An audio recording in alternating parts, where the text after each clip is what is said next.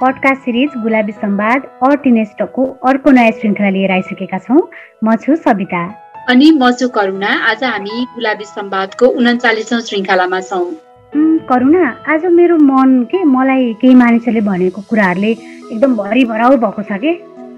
कस्तो कुरा सविता के भयो र त्यस्तो? हेर न कोभिड सङ्क्रमण सुरु भएको पनि यतिका समय भइसक्यो है। यो समयमा धेरै मानिसहरूले धेरै किसिमको समस्यासँग जुझ्नु पर्यो। अब तिमी हामीले नै पनि विभिन्न किसिमको समस्याहरू फेस गऱ्यौँ र बिस्तारै त्यसको समाधान पनि गऱ्यौँ।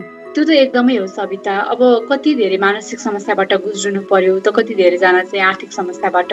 तर जे जस्तो समस्या आइपरे पनि यो महामारीको समयमा चाहिँ आफूलाई बलियो बनाएर अगाडि बढ्नुको विकल्प चाहिँ छँदै छैन कि? त्यही त। र यही समस्याहरूको बिचमा आज तिमीलाई भन्न खोजेको अझ भनौँ आज मैले कार्यक्रममा छलफल गर्न खोजेको विषय चाहिँ के हो भने कोभिड सङ्क्रमण अनि कोभिडको भ्याक्सिनको कुरा हुँदै गर्दाखेरि धेरै मानिसमा कोभिड सङ्क्रमण भ्याक्सिन र प्रजनन स्वास्थ्यको बारेमा धेरै किसिमको भ्रमहरू या जिज्ञासाहरू रहेछ कि? भन्नाले कस्तो खालको जिज्ञासा सविता भन्नाले करुणा मेरो एकजना नजिकको बहिनीले बच्चा प्लान गरेकी रहेछन्। अनि उनको र मेरो कुरा हुँदै गर्दाखेरि मैले चाहिँ उसलाई सोधेँ कि भ्याक्सिन लगायो कि लाएनौ भनेर। उनी त अब टिचर पनि भएको कारणले गर्दा उनको पालो आइसकेको थियो कि भ्याक्सिन लगाउनको लागि। अनि उनले चाहिँ के भन्यो भने बच्चा प्लान गरिरहेको छौँ भ्याक्सिन लगायो भने बच्चा कन्सेप्ट हुँदैन त्यही भएर मैले त लगाएको छैन भने कि उसले। अनि उसको यो जवाफले चाहिँ म कस्तो अचम्ममा परेँ। हुन त मलाई त्यो बेलासम्म फेरि यो कुराहरूको बारेमा थाहा पनि थिएन। अनि होला पनि जस्तो लाग्यो कि मैले उसलाई केही पनि भनिनँ कि त्यति बेला। तिमीले सुनेको जस्तै कुरा नि सविता मैले पनि एकदमै धेरै सुनेको छु कि। जस्तै कि अब केटा मान्छेलाई कोभिड भयो भने उसको प्रजनन क्षमतामा कमी हुन्छ अरे उसले राम्रोसँग यौन क्रियाकलापमा चाहिँ सहभागी हुन सक्दैन अरे उसको कारणले बच्चा कन्सेप्ट हुँदैन अरे यस्ता धेरै कुराहरू चाहिँ अझै पनि छन् कि मान्छेहरूमा। त्यही त करुणा अनि मैले चाहिँ कस्तो उसको कुरा सुनेपछि मलाई कस्तो अचम्म लाग्यो होइन? अनि मैले उसको कुरा सुनिसकेपछि अरू मान्छेहरूसँग पनि यसको बारेमा कुरा गरेकी थिएँ कि। उहाँहरूमा पनि कोभिड सङ्क्रमण अनि कोभिडको भ्याक्सिन र प्रजनन स्वास्थ्यलाई लिएर चाहिँ एकदमै धेरै अन्य रहेछ। त्यही भएर हामी आजको हाम्रो गुलाबी संवादमा यही विषयमा नै छलफल गरौँ न त करुणा है। हुन्छ सविता र मलाई के लाग्छ भने अहिलेको सन्दर्भमा यो विषयमा कुरा गर्न पनि एकदमै जरुरी छ कि। किनकि मानिसहरूमा यही कारणले गर्दा एक किसिमको डर पैदा भएको छ अनि अनेकौँ उत्सुकता कौतूहलता जिज्ञासाहरू चाहिँ मान्छेमा छ र त्यही कुराले उहाँहरूलाई समस्या पनि निम्ताइराखेको छ। जसले गर्दा उहाँहरू मानसिक रूपमा पनि स्टेबल हुन सक्नु भएको छैन र केही डिसिजन पनि गर्न सकिराख्नु भएको छैन। हो नि। फेरि यही सम्बन्धी विभिन्न किसिमको भ्रमहरूको बारेमा सुनिसकेपछि चाहिँ मैले यही विषयमा छलफल गर्नु पर्यो भनेर सोचेको थिएँ नि हामीले। त्यस पछाडि अलिअलि केही रिसर्च गर्दै थिएँ कि मैले। तर यसमा खासमा यही नै हो भन्ने कुरा तथ्य कुरा चाहिँ प्रष्ट रूपमा भेटाउनै सकिनँ कि मैले। मलाई चाहिँ के लाग्छ भने सविता अब यो कोभिडको विषय नै अहिले सबैको लागि नयाँ छ। यसमा चाहिँ नयाँ नयाँ रिसर्चहरू पनि भइराखेका छन्। त्यसले गर्दा चाहिँ यही नै हुन्छ अथवा के चाहिँ ठिक हो भन्ने पनि धेरैलाई थाहा नभइराखेको अवस्था छ कि। त्यही भएर चाहिँ मैले यो विषयमा डाक्टर अनुप सुवेदी जो चाहिँ अहिले ह्याम्स अस्पतालमा कार्यरत हुनुहुन्छ र उहाँ चाहिँ सङ्क्रमण रोग विशेषज्ञ पनि हुनुहुन्छ उहाँसँग चाहिँ कोभिड सङ्क्रमण भ्याक्सिन र प्रजनन स्वास्थ्यको बारेमा रहेका केही भ्रमहरूको बारेमा छलफल गरेको थियौँ कि। बरु त्यही कुराकानी नै सुनौ न त अहिले। हुन्छ हुन्छ करुणा। स्वागत छ पडकास्ट सिरिज गुलाबी संवाद अटिने स्टकमा हजुर धन्यवाद। जस्तै यो कोभिड सुरु भएसँगै चाहिँ यौन तथा प्रजनन स्वास्थ्यलाई लिएर धेरै हल्लाहरू अन्धविश्वासहरू चाहिँ हाम्रो समाजमा फैलिरहेको छ। जस्तै कि अब यो कोभिड सङ्क्रमित पुरुषको यौन क्षमता कमी हुन्छ र उसले बच्चा जन्माउन सक्दैन भन्ने कुरा पनि छ। यसमा चाहिँ कतिको यथार्थता छ? त्यसमा पटक्कै यथार्थता छैन। यसबारेमा अब थुप्रै किसिमका अध्ययनहरू भएको छन्। जनावरहरूमा भएको अध्ययन भन्दा पनि अब मान्छेमै भएको अध्ययनको कुरा गर्दा हुन्छ अब। किनभने त्यस्तो अध्ययनहरू पियर जर्नलहरूमा प्रकाशित भइसकेका छन्। यो भ्याक्सिन लगाउनु अघि र भ्याक्सिन लगाएको साठी सत्तरी दिनपछि तिनै व्यक्तिहरूमा चाहिँ वीर्यको जाँच गरिएको थियो। त्यसमा चाहिँ त्यो वीर्यमा हुने त्यो वीर्य कोषहरूको सङ्ख्या कोषहरू चाहिँ कतिको गतिशील छन् त्यस्ता कुराहरू त्यो वीर्यको मात्रा यस्ता कुराहरू विभिन्न प्यारामिटर्सहरू तुलना गरेर हेर्दाखेरि भ्याक्सिन लगाउनु अगाडि त पछाडि कुनै पनि फरक देखिएन होइन। र यो कुनै त्यस्तो अरू पनि त्यस्ता भएको छन् अमेरिकाको मायामीमा युनिभर्सिटी मायामी युनिभर्सिटीमा इजरायलमा विभिन्न ठाउँमा यस्ता अध्ययनहरू भएको छन् र विभिन्न ठाउँमा गरेको अध्ययनहरूले त्यही कुरा पुष्टि हुन्छ होइन? त्यसमा त पुरुषको यौन क्षमता घट्ने भने त्यो कुनै भएको कुरा होइन। अनि अर्को चाहिँ बुझ्नुपर्ने कुरा के हो भने सङ्क्रमण भयो र भ्याक्सिन लगाएन सङ्क्रमण भयो भने चाहिँ बरु अनि तपाईँ कमजोर हुन सक्नुहुन्छ यतिकै होइन? तपाईँलाई सास फेर्न पनि एकदम गाह्रो हुनसक्छ यहाँबाट अलिकति पर हिँडेर जान पनि नसक्ने होइन? अक्सिजन लाउनु पर्ने हुनसक्छ बाँचियो नै भने पनि होइन? त्यो बेला चाहिँ अनि क्षमता घट्छ होइन? त्यो बेला चाहिँ तपाईँलाई रुचि पनि हुँदैन अनि तपाईँको त्यो क्षमता पनि कमजोर हुन्छ। त्यस्तै अर्को चाहिँ महिलाले कोभिडको भ्याक्सिन लगाएपछि चाहिँ बच्चा कन्सिभ हुँदैन भन्ने धारणा पनि धेरैजनामा पाइएको छ। अझ विशेष गरी ग्रामीण क्षेत्रको महिलाहरूमा चाहिँ यस्तो खालको सोचाइ चाहिँ छ यसमा चाहिँ कतिको सत्यता छ? भ्याक्सिन र महिलाको प्रजनन क्षमतामा? त्यो पनि एकदमै प्रमाणरहित कुरा हो। महिलाको प्रजनन शक्ति पनि यो भ्याक्सिन लगाएर घट्ने त्यस्तो काहीँ पनि देखिएको छैन। विभिन्न थरी अध्ययनहरू भएको छन् त्यसमा पनि। अनि महिलाहरूको चाहिँ त्यो महिनावारीको साइकल होइन यस्ता कुराहरू र प्रजनन त्यो क्षमतामा रुचि अथवा त्यो त्यस त्यो कम त्यस्तो केही पनि भएको देखिएको छैन। र अर्को कुरा चाहिँ कुनै भनौँ न यसरी खोप लगाउँदा चाहिँ खोपले चाहिँ निश्चित यी किसिमका रासायनिक प्रक्रिया गरेर यसरी चाहिँ यो प्रजनन क्षमता कम हुन्छ भने कुनै बायोलोजीको जीव वैज्ञानिक त्यस्तो कुनै एक्सप्लेनेसन पनि छैन कि किन हुनु पऱ्यो त्यो किन प्रजनन क्षमतामा कमी हुनु पऱ्यो भने इभन त्यो सोच्न त्यो कल्पना गर्न पनि कुनै जीव वैज्ञानिक कुनै हाइपोथेसिसहरू पनि जेनेरेट नहुने सम्भावना त्यो ठाउँ छैन या त्यस्तो होइन।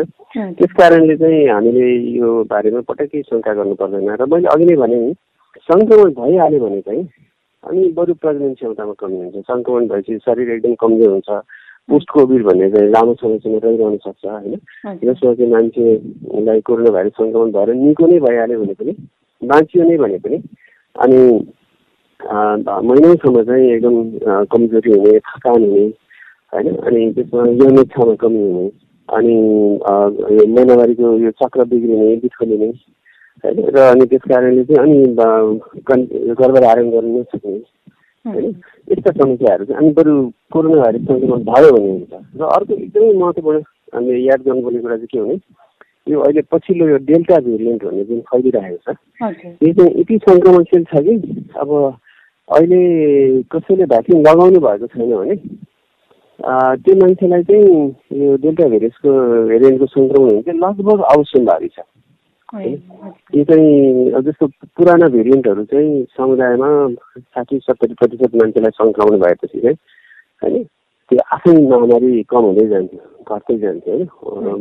एक हिसाबले समुदायमा फैलिन बन्द हुन्थ्यो।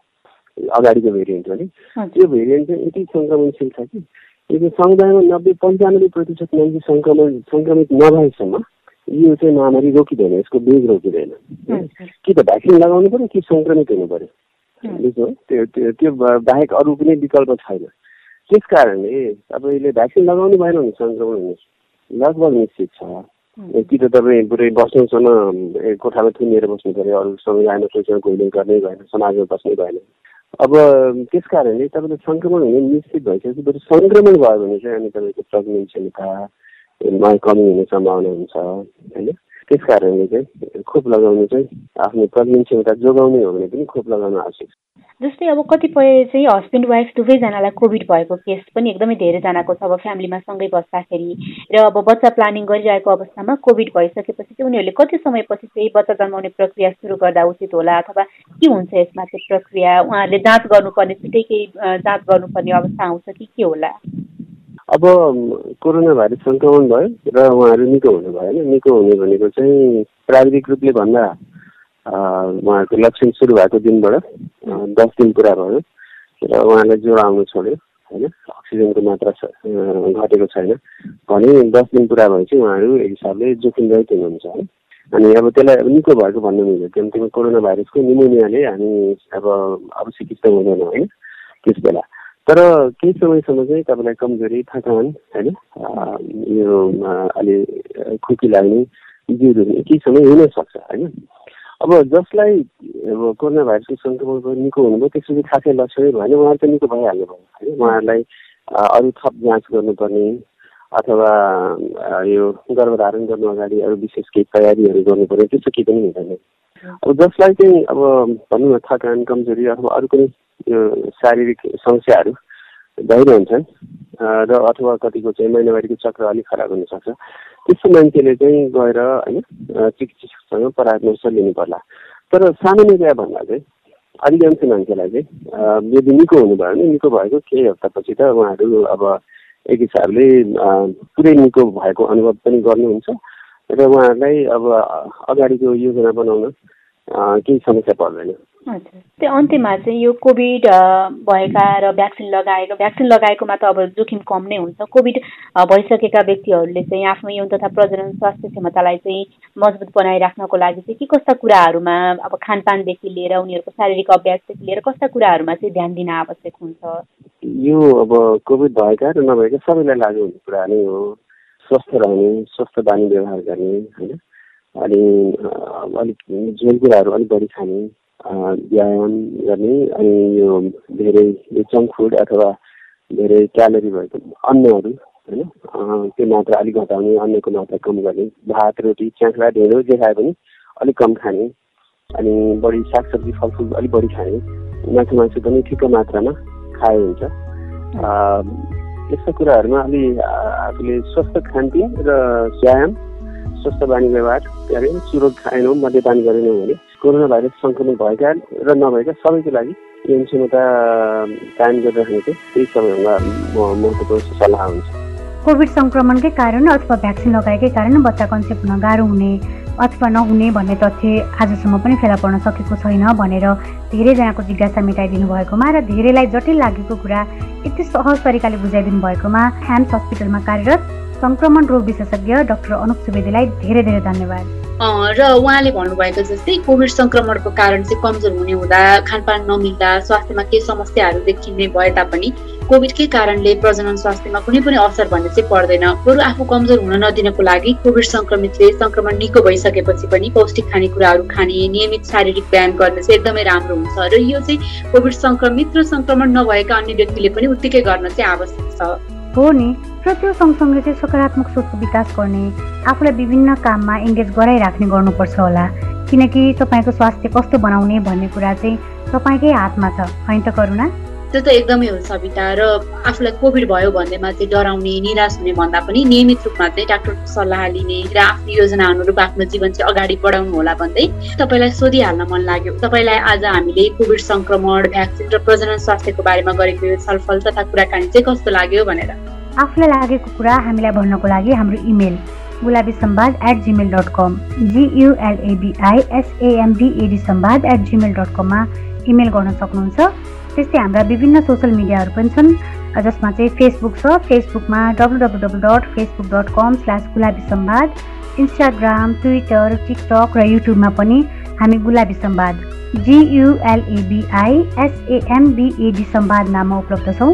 यिनै माध्यम मार्फत आफूलाई लागेको कुरा भन्न सक्नुहुन्छ र हामीसँग सम्पर्कमै रहिरहन सक्नुहुन्छ। त्यस्तै गुलाबी सम्वाद अर्टिनेस्टकले उठाउने विषयवस्तु अर्थात् यौन तथा प्रजनन स्वास्थ्य र अधिकारसँग सम्बन्धित सामग्री हाम्रो website W W W dot Gulabi Sambad dot com र हाम्रो ब्लग ठेगाना W W W dot Gulabi Sambad dot blogspot dot कममा पनि प्रकाशित छन्।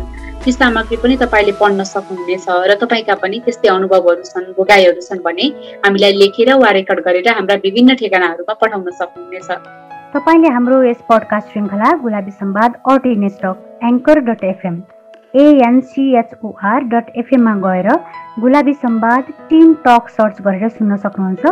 त्यस्तै हाम्रो पडकास्ट सिरिज गुलाबी संवाद अहिले देशभरिका विभिन्न पैँतिसवटा रेडियो स्टेसनमा हप्तैभरि विभिन्न समयमा प्रसारण भइरहेको छ। त्यहाँ पनि तपाईँले सुन्न सक्नुहुन्छ। अहिले चाहिँ आजको एपिसोड तपाईँले कुन रेडियो अथवा अनलाइन प्लेटफर्म मार्फत सुन्दै हुनुहुन्छ भनेर जानकारी गराउन नभुल्नुहोला भन्दै आजका लागि यौन तथा प्रजनन स्वास्थ्य र अधिकारका विभिन्न विषयमा छलफल गर्न सुरु गरिएको पडकास्ट सिरिज गुलाबी सम्वाद अर्टिनेस्टको उनाचालिसौँ श्रृङ्खलाबाट करुणा र सविता विदा माग्छौ। नमस्ते। अर्को श्रृङ्खलामा पुनः भेट्नेछौँ।